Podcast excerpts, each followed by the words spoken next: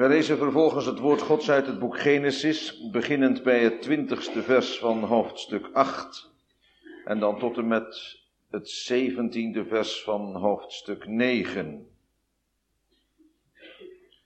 Genesis 8, vers 20 tot en met Genesis 9, vers 17. En dan zingen we in aansluiting aan de schriftlezing uit de 89ste psalm en daarvan het 15e vers, psalm 89, het 15e vers. Ik heb eens gezworen bij mijn eigen heiligheid. Genesis 8, vers 20. En Noach bouwde de Heere een altaar. En hij nam van al het reine vee en van al het rein gevogelte en offerde brandoffers op dat altaar. En de Heere rook die lieflijke reuk. En de Heere zeide in zijn hart, ik zal voortaan de aardbodem niet meer vervloeken om des mensen wil, want het gedichtsel van s mensen hart is boos van zijn jeugd aan. En ik zal voortaan niet meer al het levende slaan gelijk als ik gedaan heb. Voortaan al de dagen der aarde zullen zaaiing en oogst en koude en hitte en zomer en winter en dag en nacht niet ophouden. En God zegende Noach en zijn zonen en hij zeide tot hen, zijt vruchtbaar en vermenigvuldigd en vervult de aarde. En uw vrees en uw verschrikking zij over al het gedierte der aarde en over al het gevogelte des hemels, in al wat zich op de aardbodem roert en in alle vissen der zee. Zij zijn in uw hand gegeven. Al wat zich roert dat levend is, zij u tot spijze. Ik heb u, al het, ik heb u het al gegeven, gelijk het groene kruid. Doch het vlees met zijn ziel, dat is zijn bloed, zult gij niet eten. En voorwaar ik zal uw bloed, het bloed uw zielen, eisen. Van de hand van alle gedierte zal ik het eisen. Ook van de hand des mensen, van de hand van een iegelijks zijn broeder zal ik de ziel des mensen eisen. Wie des mensen bloed vergiet, zijn bloed zal door de mens vergoten worden. Want God heeft de mens naar zijn beeld gemaakt. Maar gij weest vruchtbaar en vermenigvuldigd, teelt overvloediglijk voort op de aarde en vermenigvuldigt op dezelve. Voorts zeide God tot Noach en tot zijn zonen met hem zeggende, maar ik zie, ik richt mijn verbond op met u en met uw zaad na u en met alle levende ziel die met u is, van het gevogelte, van het vee en van al het gedierte der aarde met u, van allen die uit de ark gegaan zijn, tot al het gedierte der aarde toe. En ik richt mijn verbond op met u, dat niet meer alle vlees door de wateren van de vloed zal worden uitgeroeid, en dat er geen vloed meer zijn zal om de aarde te verderven. En God zeide, dit is het teken van het verbond dat ik geef tussen mij en tussen uw lieden, en tussen alle levende ziel die met u is, tot eeuwige gedachten. Mijn boog heb ik gegeven in de wolken. Die zal zijn tot een teken van het verbond tussen mij en tussen de aarde. En het zal geschieden als ik wolken over de aarde breng, dat deze boog zal gezien worden in de wolken. Dan zal ik gedenken aan mijn verbond, het welk is tussen mij en tussen u en tussen alle levende ziel van alle vlees. En de wateren zullen niet meer wezen tot een vloed, om alle vlees te verderven. Als deze boog in de wolken zal zijn, zo zal ik hem aanzien, om te gedenken aan het eeuwig verbond tussen God en tussen alle levende ziel van alle vlees dat op de aarde is. Zo zeide dan God tot Noach, dit is het teken van het verbond dat ik opgericht heb tussen mij en tussen alle vlees dat op de aarde is. Onze tekst, gemeente, is uit het gelezen schriftgedeelte, het negende hoofdstuk van het boek Genesis, de versen 11 tot en met 13. Genesis 9, de versen 11 tot en met 13, waar we Gods woord lezen. En ik richt mijn verbond op met u, dat niet meer alle vlees door de wateren van de vloed zal worden uitgeroeid en dat er geen vloed meer zijn zal om de aarde te verderven. En God zeide, dit is het teken van het verbond dat ik geef tussen mij en tussen uw lieden en tussen alle levende ziel die met u is tot eeuwige geslachten. Mijn boog heb ik gegeven in de wolken. Die zal zijn tot een teken van het verbond tussen mij en tussen de aarde. Gemeente, vorige week stonden we erbij stil dat het eerste wat Noach deed nadat hij uit de ark gegaan was, was het bouwen van een altaar en het brengen van brandoffers. Hij deed dat uiteraard tot uitdrukking van zijn dankbaarheid voor wat de Heere gegeven had, voor het sparen van zijn leven en voor de zorg die God aan hem besteed had. Maar het feit dat hij juist brandoffers op dat altaar bracht, was er een bewijs van dat Noach niet alleen maar dankbaarheid gevoelde, maar tegelijkertijd ook besef had van de noodzakelijkheid van verzoening. Brandoffers zijn immers voor de verzoening van de zonde gegeven. En zo heeft Noach zich terstond nadat hij uit de ark gegaan was aan de Heere aangeboden en aan de Heere toevertrouwd, opdat ook voor het toekomende hij zou mogen delen in de zorg en in de bescherming van de Heere. En hoe is nu Gods antwoord geweest op dat altaar en op dat offer dat Noach bracht? Hoe heeft God daar nu op gereageerd? Er stond na het twintigste vers van hoofdstuk 8 lezen wij dat de Heere die lieflijke reuk rook. De reuk van dat brandofferaltaar stijgt op naar boven. En de Bijbel noemt dat een lieflijke reuk. Letterlijk vertaald zou het moeten zijn de reuk der bevrediging. Met andere woorden, God is door dat offer bevredigd. God heeft daar een welgevallen in genomen. God heeft het aanvaard, zoals hij ook degene die het offer bracht aanvaard heeft.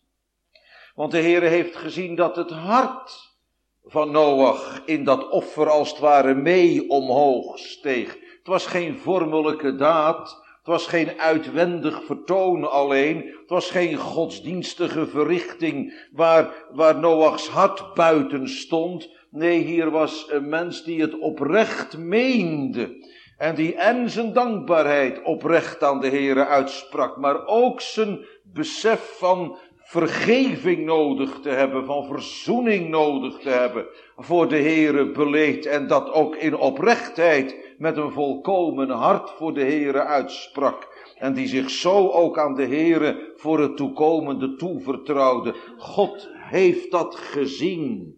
En als de Heere zo'n mens ziet, met zo'n hart, een oprecht gemaakt hart. Hij ziet toch immers naar waarheid in het binnenste. Als de Heere dat ziet, dan heeft hij daar een welgevallen in. En dan zegt de Bijbel, de Heere rook die lieflijke reuk. En dan neemt de Heere zich, zo zegt de tekst in vers 21 van hoofdstuk 8 verder, dan neemt de Heere zich in zijn hart voor om de aarde niet meer te vervloeken. Dat wil in dit verband zeggen, om niet meer en nooit meer zo'n vloek over de aarde te brengen, zoals hij gedaan had toen hij de wateren van de zondvloed over de aarde deed komen. Dat zal God niet meer doen. En dat zegt de Heer niet alleen tegen zichzelf, dat neemt hij niet alleen zichzelf voor in zijn hart, maar in het volgende hoofdstuk, in hoofdstuk 9, en we hebben dat zojuist gelezen, heeft de Heer dat ook meer dan één keer gezegd.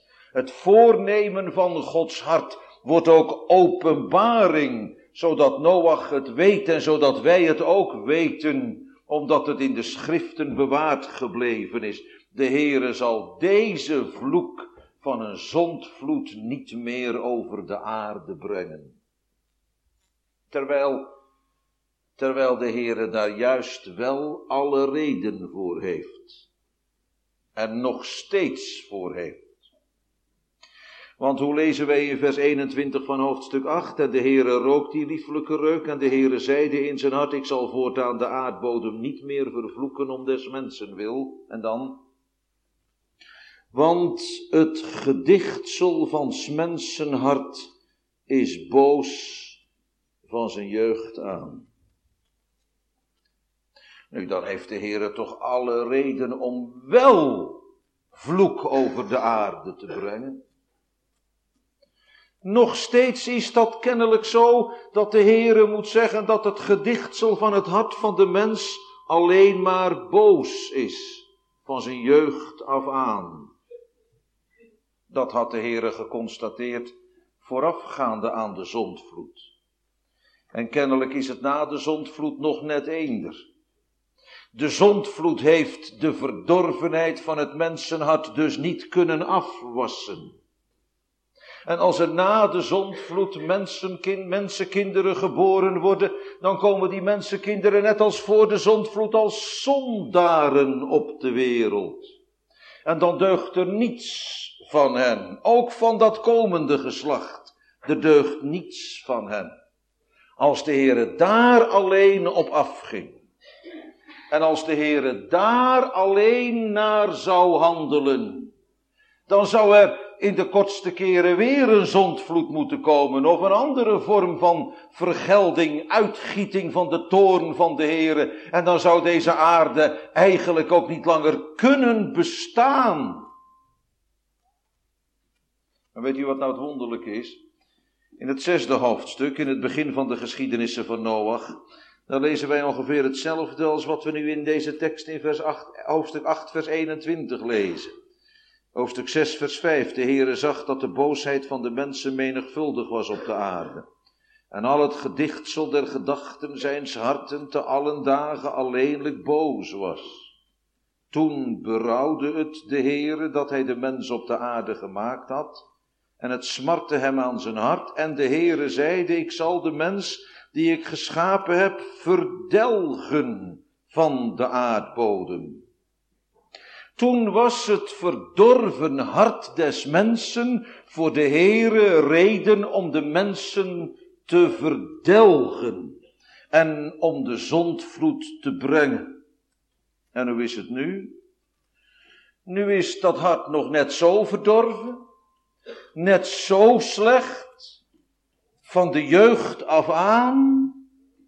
En nu gebruikt de Heere dat verdorven zijn van het hart niet, niet meer als een argument om de mensheid te verdelgen, maar om die mensheid te sparen. Hoe dat kan? Dat kan alleen omdat er nu een offer gebracht is. Dat zit er dus tussen. Dat offer dat Noach gebracht heeft, dat brandoffer van reine dieren en dat offer dat door de Heere is aangenomen. Hij had er een welgevallen in. En in dat offer verklaring, gemeente. Want het hart van de mens is nog inderdaad verdorven en boos en slecht. En er komt alleen maar ongerechtigheid uit voort. En er komen alleen maar dingen uit voort waarin de Heere onteerd wordt. En waarmee de Heere getergd wordt. En waarmee hij miskend wordt. En waarmee hij bedroefd wordt. Dat komt uit het mensenhart naar boven. En niets anders. En dat God dan toch die mens spaart. En dat hij dan toch in zijn hart voorneemt en later ook openbaart dat hij de aardbodem niet meer vervloeken zal. Dat, dat ligt verklaard in dat offer. En nu, maar dan ook alleen op grond van dat offer mag de aarde voortbestaan. En mogen de dagen des mensen vermenigvuldigd worden op de aarde. En zal de Heere voor levensonderhoud zorgen. En nu voortaan zullen alle de dagen, de seizoenen elkaar afwisselen. Leest u het laatste vers van hoofdstuk 8 maar. Er zal altijd weer jaar in jaar uit een zaaitijd en een oogsttijd zijn. En zomer en winter zullen elkaar geregeld in strikte regelmaat ook afwisselen. En dag en nacht ze zullen er altijd weer zijn, zolang als het God behaagt om deze wereld te dragen in zijn hand. En zo richt God zijn verbond op. U weet, we noemen dat het natuurverbond. In Noach en met de hele mensheid opgericht. De tekst van vanmorgen zegt zelfs dat het met de aarde opgericht is. Ik, zo zegt God, richt mijn verbond op. En hij belooft daarbij dat de aarde mag voortbestaan. En dat het leven op aarde zich mag ontplooien. En dat de mensheid gespaard zal blijven. En dat alles ligt gefundeerd in dat offer. U zegt in het offer van Noach. In het offer dat deze mens gebracht heeft. Nee, dat offer was tenslotte voor God ook alleen maar een voorafschaduwing van het grote offer dat in de volheid des tijds zou worden gebracht. Het offer van de Heere Jezus Christus. En weet u dat van dat offer dat Christus gebracht heeft, eigenlijk precies hetzelfde gezegd wordt als wat van het offer van Noach gezegd wordt? Ik lees in het vijfde hoofdstuk van de Efezebrief. En wandelt in de liefde, gelijkerwijs ook Christus ons lief gehad heeft en zichzelf voor ons overgegeven tot een offerande en slachtoffer, gode tot een welriekende reuk. Ziet u dat in dat offer van Noach, dat offer van Christus is voorafgeschaduwd? En dat in het offer van Christus het offer van Noach is vervuld. En dat dat offer van Christus voor God een lieflijke reuk geweest is. En dat de Heere dat offer aanvaard heeft. Dat de Heere daar met name een welgevallen ingenomen heeft. En het is ten diepste op grond van dat offer, op grond van het kruislijden en op grond van het storten van zijn bloed en het overgeven van zijn ziel tot in de dood. Het is op grond van dat werk van Christus dat de seizoenen elkaar afwisselen. En dat er ook onder ons en in onze dagen nog altijd jaar in jaar uit gezaaid kan worden en een oogsttijd aanbreekt.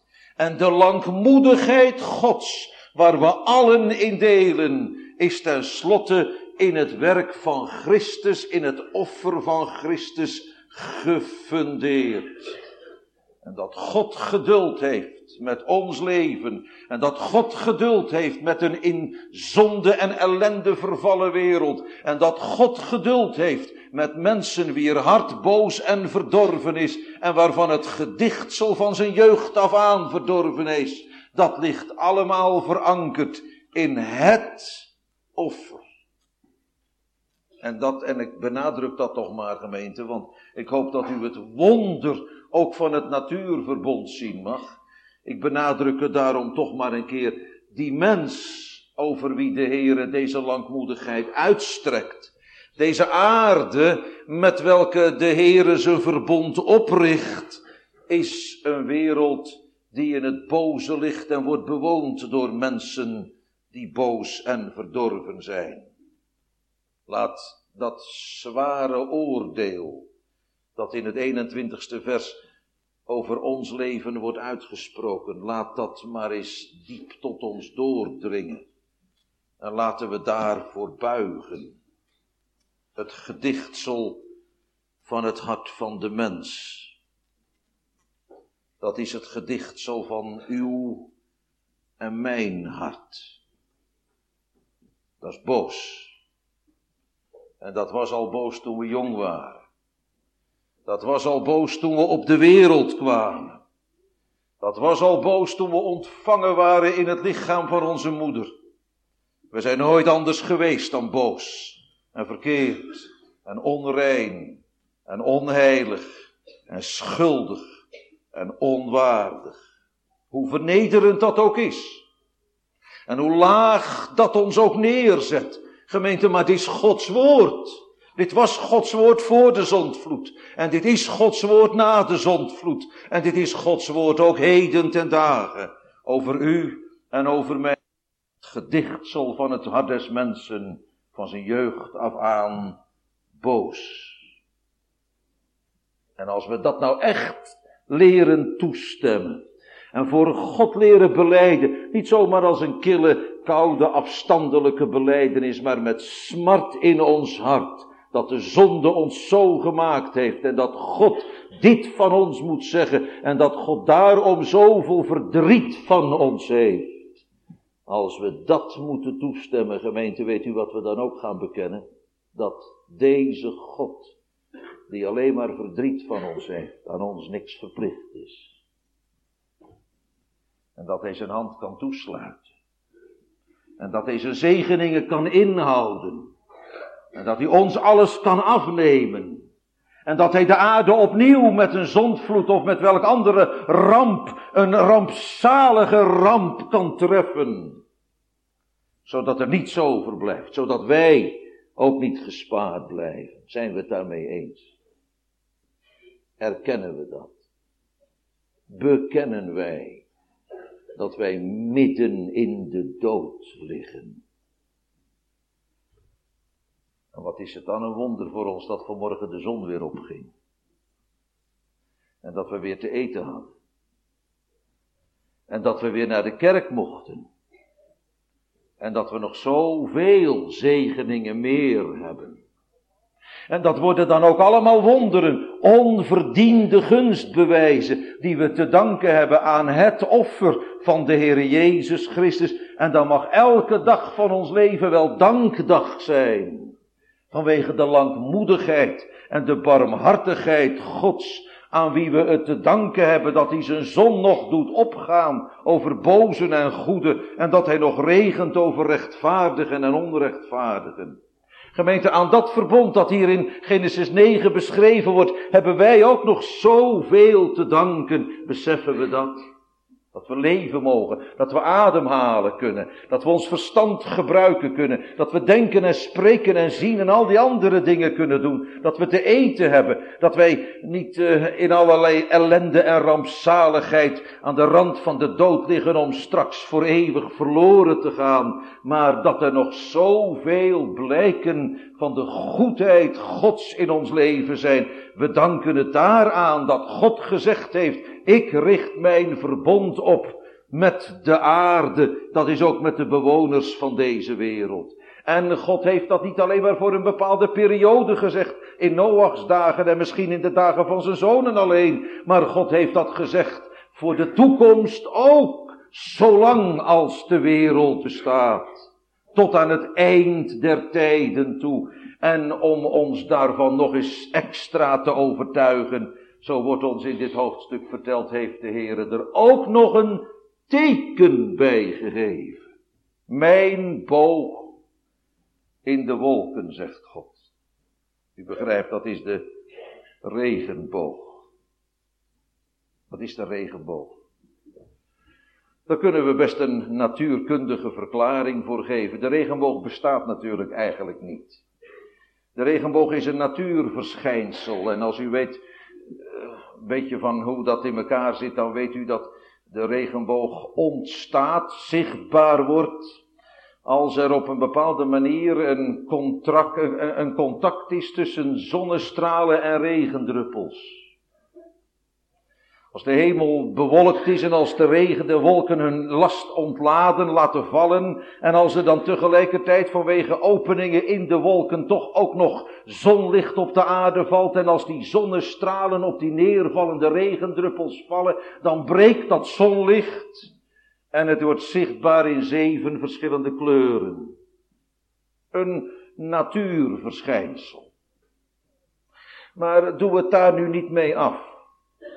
Want onze tekst laat ons zien dat dit natuurverschijnsel, dat best te verklaren is op natuurkundige wijze, dat dit natuurverschijnsel van God een speciale betekenis gekregen heeft en dat het door hem gemaakt is tot een garantiebewijs, als u wilt, tot een sacrament bij het natuurverbond.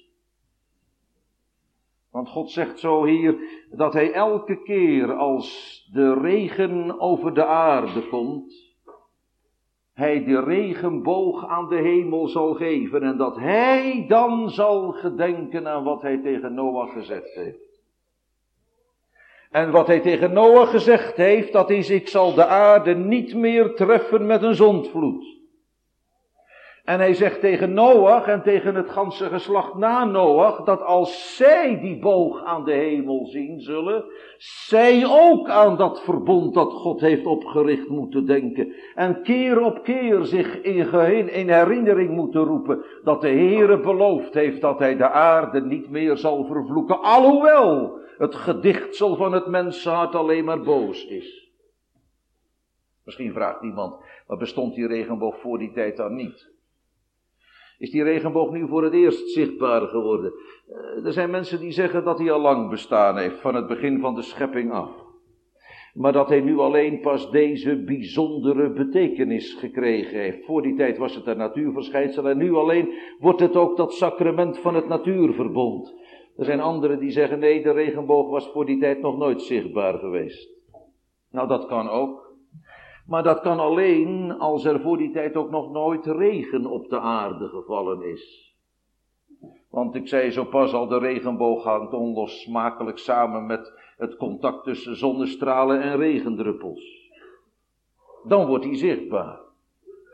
Maar het zou best kunnen dat het voor die tijd nog nooit geregend had. Voor de dagen van de zondvloed. Er staat in Genesis 2, vers 5 en 6 dat het inderdaad niet geregend had op de aarde, maar dat een damp opstijgende van beneden de aarde bevochtigde. En als dat de verklaring is, dan kunt u ook begrijpen hoe angstaanjagend het geweest moest zijn voor het geslacht uit Noachs dagen, toen de wolken zich dicht samenpakten. Ze hadden zoiets nog nooit gezien. En toen die wolken zich begonnen te ontladen. Wat een angstaanjagend gebeuren dat geweest moest zijn. En als nou straks er weer wolken komen.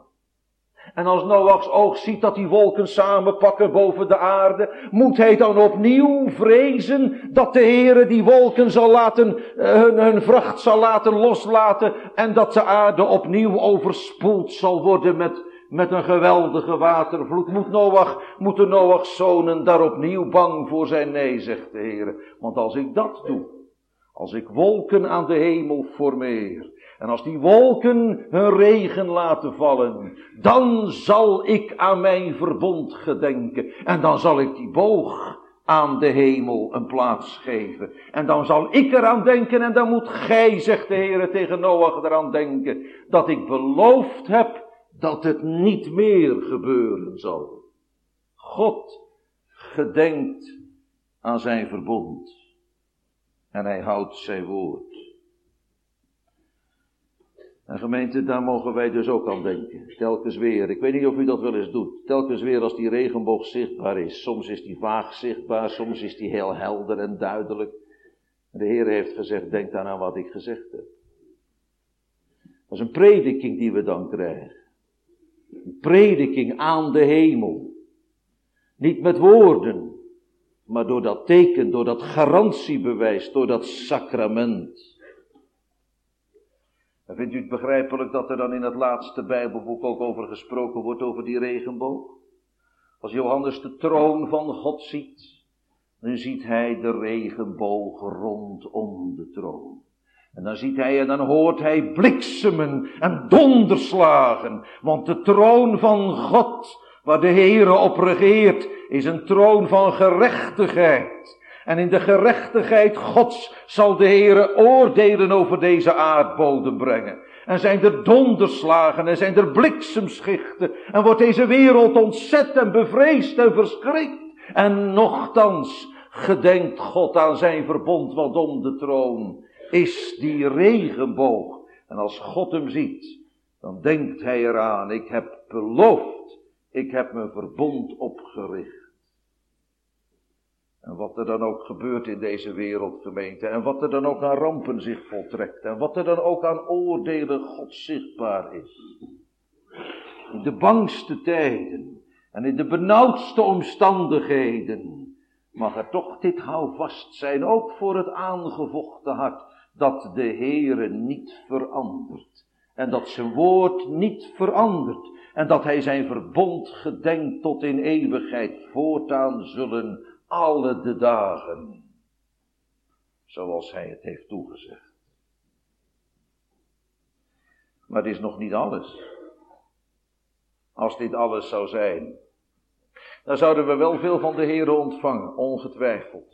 En dan zouden we nog inderdaad alle reden hebben om de Heer dankbaar te zijn. Maar weet u hoe lang we dit allemaal zouden ontvangen? Maar net zo lang als we leven. Want dit is slechts voor de tijd. Dit is slechts voor het hier en voor het nu en voor het beneden. En als er nou meer niet zou zijn dan dat natuurverbond, hoe rijk ook. En hoe wonderlijk. En hoe dat zozeer dat ook spreekt van Gods langmoedigheid en van Gods goede tierenheid. Want het gebeurt allemaal in weerwil van ons verdorven en boze hart. Maar als er niet meer zou zijn dan dat, gemeente. We zullen het allemaal een keer meemaken dat voor ons de zaaitijd wel ophoudt. En de oogsttijd wel voorbij gaat. Wij zullen het allemaal meemaken dat wij geen hap eten meer tot ons kunnen nemen. Want er komt een laatste dag of een laatste nacht aan het eind van uw en mijn leven. En wat zal het dan zijn? Dan hebben we misschien tachtig jaren van de langmoedigheid Gods mogen leven.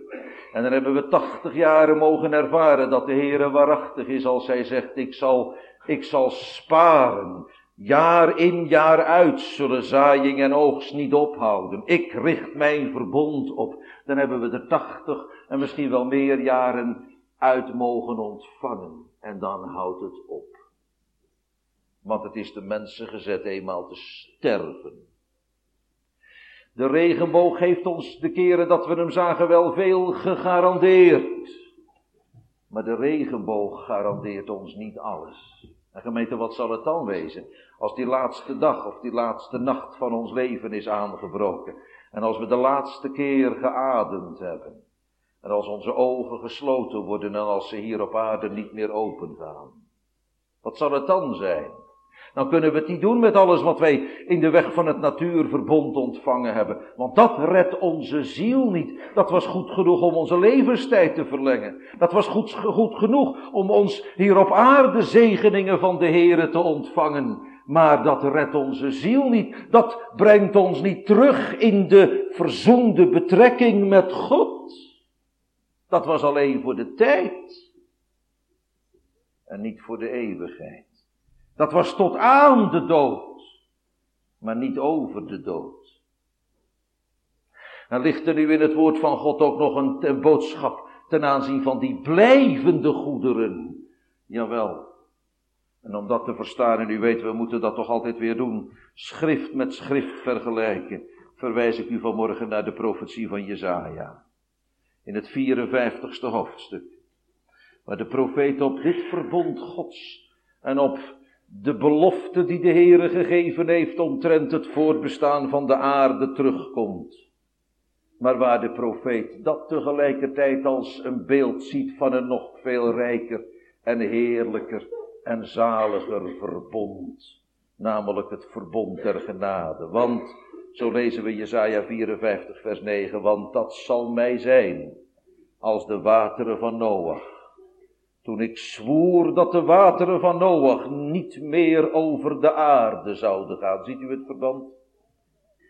Alzo heb ik gezworen dat ik niet meer op uw toornen nog u schelden zal. En dat laatste is toch veel meer, of niet? Het is ontzaglijk rijk. En laten we het beseffen, en daarom heb ik er vanmorgen ook sterke nadruk op gelegd want dat geldt nou ons allemaal. Het is ontzaglijk rijk dat de Heere gezworen heeft dat de wateren van Noach niet meer over de aarde zullen gaan. En dat we hier vanmorgen in de kerk kunnen zitten, dankzij datgene wat de Heere Jezus verdiend heeft. En dat we te eten hebben enzovoort. En laten we het toch goed beseffen. En laten we de weldaden van het natuurverbond toch niet verkwanselen. En laten we toch niet doen alsof we er recht op hebben en alsof het zo gewoon is. Maar laten we de gever er toch in erkennen en de Heere er ootmoedig dankbaar voor zijn. Maar het is veel rijker. En het is veel heerlijker als God onder ede betuigt aan zijn volk, ik zal niet meer op u toren en ik zal niet meer op u schelden. In dat verbond in Genesis 9 belooft de Heer dat die vloek van een zondvloed er niet meer zal zijn. Maar de Heere belooft, en hij zweert dat ook. Ik heb gezworen, de Heere belooft aan zijn kinderen dat er voor hen ook nooit meer een zondvloed van zijn toren en van zijn gramschap zal zijn, waardoor ze straks worden weggesleept naar het eeuwig verderf. Gods toorn is van hen afgekeerd. Gods gramschap en de hitte van zijn gramschap is geblust. Hoe kan dat dan? Door het offer. Door datzelfde offer. Doordat de Heer Jezus de ongerechtigheden van de zijnen gedragen heeft. En doordat hij beladen met de ongerechtigheden van de zijnen de dood is ingegaan. Toen op Golgotha is de hitte van Gods gramschap geblust. Toen God de lieflijke reuk van dat offer van zijn geliefde zoon rook, om het maar in deze bewoordingen te blijven zeggen. Toen de Heere die lieflijke reuk rook en dat offer van Christus aanvaarde. Toen heeft hij genoegen genomen met de betaling die daar aan het kruis heeft plaatsgevonden. En in één keer op die ene dag heeft God al de ongerechtigheden van zijn ganse volk uitgedelgd uit zijn boek. En er is niet één zonde onvereffend gebleven. Er is niet één schuld onbetaald open blijven staan.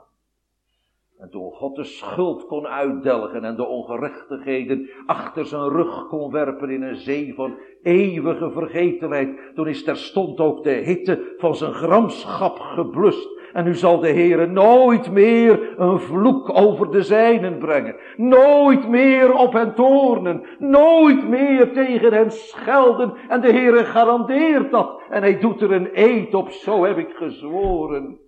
En dat is de zegen de onuitsprekelijke zegen en het nog veel grotere voorrecht dat niet uit het natuurverbond, maar uit het genadeverbond voortvloeit. Wat een onbegrijpelijk wonder is dat, want dat wordt nou ook gegeven aan mensen, van wie hoofdstuk 8 vers 21 zegt, dat het gedichtsel van hun hart boos is van hun jeugd aan. Dat wordt nu gezegd tot mensen die bij God geen enkele verdienste hebben. En die bij God ook niet in aanmerking komen vanwege waardigheid of verdienste voor één van zijn zegeningen. Dat wordt gezegd tot mensen die het ook moeten gaan beleven en beleiden dat alles tegen hen getuigt. En dat er nog nooit iets goeds in hen gevonden is. En dat er niets geheels en niets zuivers aan hen is, maar dat zelfs hun beste werken onvolkomen en met zonde bevlekt zijn. Is het niet ongelooflijk dat de Heere tot Jacob, tot een verdorven zondaarsvolk, tot doorbrengers, tot al bedervers zegt, ik heb gezworen dat ik niet meer op u tonen, nog op u schelden zal. En nogmaals, dat kan alleen, kan ook alleen verstaan worden en beleefd worden als we oog krijgen voor dat offer dat de Heer Jezus gebracht heeft. Want tegen hem heeft God de Vader wel getoerd. Toen al de ongerechtigheden op hem zijn aangelopen. Toen is hij verdrukt. En toen heeft God zijn eigen zoon niet gespaard. En toen is hij ondergegaan in de golven van de zondvloed van Gods gerechtigheid. Al Gods golven en al Gods baren zijn over hem heen gegaan en hij is neergezonken in diepe wateren, zelfs nedergedaald ter helle. Zo heeft hij het verdiend, verworven voor dat schuldige volk van mensen met een verdorven hart en met een schuldig bestaan. Ik weet, ik ben vanmorgen begonnen met te zeggen dat we allemaal delen in de zegeningen van het natuurverbond. En daar doe ik niks vanaf, want dat doen we ook allemaal. Elke ademtocht die we mogen ademhalen, elke hartklop die er nog is in ons, in ons lichaam, elke, elke bloedcirculatie. En noem maar op, dat is allemaal uit dat natuurverbond voortvloeiend. En ieder van ons deelt erin. Weet u met welke bedoeling? Weet u met welke bedoeling we hier zijn op deze aarde? En wat de Heer er nou mee voor heeft om ons dit allemaal te geven. Weten, we hebben maar één doel. Ons leven heeft maar één doel. En daartoe spaart God ons elke keer weer. En daartoe doet Hij zijn, zijn zon opgaan. En daartoe geeft Hij regen. En daartoe geeft Hij voedsel. En daartoe geeft Hij zoveel duizend andere dingen meer. Dat is met de bedoeling dat wij de Heere zouden zoeken. Of we Hem al tastende vinden mochten. Dat doet de Heer met de bedoeling dat wij de levenstijd zouden gebruiken om onze ziel geborgen en gered te krijgen. Dat doet de Heer met de bedoeling dat wij het woord van God zouden leren geloven en dat wij dat aanbod van genade zoals dat in het woord van God naar ons toekomt, zouden leren aangrijpen. De Heer spaart ons, de Heer spaarde jou. Misschien wel dwars door allerlei gevaren heen. Misschien ben je wel eens vast van de rand van de dood als het ware in het leven teruggebracht. Met welke bedoeling? God had nog geen lust in uw dood of in uw verderf. Maar daarin dat we zouden leven en dat we ons zouden bekeren. En dat we dat grote goed dat de Heere om niet aanbiedt, zouden gaan begeren. Bij de Heere zouden gaan bidden of Hij ons daar deel aan geeft. Oh, als je het schriftuurlijk, als je het bijbels beziet, dan heeft ons leven allereerst dit doel dat wij bekeerd zouden worden. En God zouden zoeken. En met God verzoend zouden worden. En al die andere dingen, een werkkring zoeken en een opleiding volgen en een gezin stichten. Dat is allemaal belangrijk op het terrein van het natuurverbond. En daar wil de Heer ook in voorzien en daar wil de Heer ook in gekend worden. Maar het is maar voor de tijd. En daarom mag dat nooit bovenaan staan. En mag dat in ons leven nooit prioriteit hebben. Begrijpt u waarom de Heer Jezus met zoveel nadruk gezegd heeft, zoekt eerst, maar dan ook eerst het koninkrijk Gods. Dat moet het doel van ons leven zijn. Want God heeft veel meer om te geven dan brood en gezondheid en werk en al die andere dingen. God heeft veel meer om te geven dan wat hij in het natuurverbond geeft. Want een rijkere deugd en een heerlijker eigenschap en volkomenheid van God is zijn genade. Zijn genade voor onwaardigen, voor schuldigen. Zijn genade dat hij mensen niet maar voor een poosje een bepaalde levensvulling en een levenstaak geeft. Maar die genade dat hij zondaren met zich verzoent. En dat hij ze een eeuwigheid in het vooruitzicht stelt. Waarin ze zonder zonde en zonder gebrek hun God en Schepper, hun Verlosser in volkomenheid mogen dienen. Dat heil dat de Heer in het genadeverbond toezegt. Is dat uw deel al? Hebben we daar al kennis aan gekregen? Zijn we door het werk van de Heilige Geest al deelgenoten geworden van dat grote goed? In beginsel dan natuurlijk alleen maar. Van dat grote goed dat de Heere weggelegd heeft voor degenen die Hem vrezen. Dat wonder dat we met onze zonden een schuilplaats hebben mogen zoeken en vinden bij dat offer van Christus. Met dat hart dat verdorven is en dat ons aanklaagt. En dat wij nooit kunnen veranderen en verbeteren. En dat wij niet echt kunnen bekeren. Waar we misschien wel wat aan kunnen doen in de vorm van reformatie. Maar wat we nooit wezenlijk kunnen veranderen. Hebben we dat hart al aan de Heere mogen aanbieden. Zoals hij in zelf zegt. Geef mij uw hart. Ziet u nou wat de genade daarin al ligt? Want wat voor hart vraagt de Heere dan van ons? het hart waar het gedichtsel altijd boos van geweest is. En God zegt, geef mij het maar. Laat mij het vernieuwen. Laat mij het verbreken. En laat mij het ook weer helen. En laat mij het genezen. En laat mij het verlossen. Dat hart, hij wil het hebben. En hebben we het hem al gegeven? Zijn we het al kwijt? Hebben we het al aan Hem mogen toevertrouwen? Heeft Hij het ons van ons al genomen? En zijn wij zo al overgegaan uit de dood in het leven? En zijn wij zo al deelgenoten van dat heilgoed geworden dat in de Heer Jezus Christus geopenbaard is? Vergeving van zonde, vrede met God. Dan is die belofte onder ede door God gedaan in Jesaja 54 voor ons al is een begeerlijke zaak geworden. Dat ons hart daar naar uitgaat en dat we dat voor onszelf mogen weten, heren. Zeg dat ook eens tot mijn ziel. Dat u nooit meer op mij toornen en op mij schelden zult. En dat u vanwege de verdiensten van Christus al mijn zonden achter uw rug werpt in een zee van eeuwige vergetelheid. Anders gezegd hebben wij de Heer Jezus als, als borg nodig gekregen, die om onze zonde en om onze ongerechtigheden in de zondvloed van de toorn Gods ten onder wilde gaan, om ons ervan te bevrijden, van dat gestrenge oordeel Gods, hebben we die zaligmaker die ons in het evangelie voorgesteld wordt, niet alleen maar nodig gekregen voor ons dagelijks levensonderhoud, en voor onze gezondheid en voor onze levenstijd, maar hebben we hem al nodig gekregen voor de zaligheid van onze arme, vuile, onreine, onsterfelijke ziel.